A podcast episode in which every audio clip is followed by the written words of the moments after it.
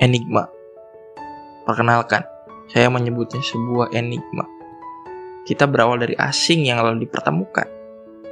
Sebuah ketidaksengajaan yang direncanakan. Meski bukan kita yang menawarkan. Perkenalkan, sebuah enigma yang menyimpan banyak sekali kesabaran. Bercengkraman tenang dengan siapa pun ia dihadapkan. Memperdulikan semua orang, meski ia tahu ia tak mudah untuk memulai percakapan. Dia tak suka berbicara, lebih memilih diam dengan seribu wawasan. Terkadang membuat kesal, padahal gagasan gagasannya selalu dapat diandalkan. Dia sosok yang paling pandai mengandalkan kemarahan.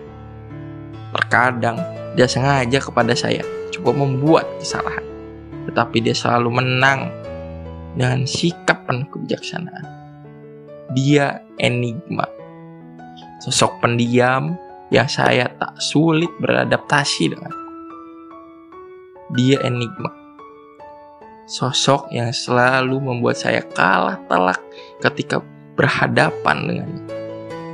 Dia enigma, sosok yang tak mudah singgah tetapi mampu menetap dan pandai mempertahankan harapan dalam persinggahannya.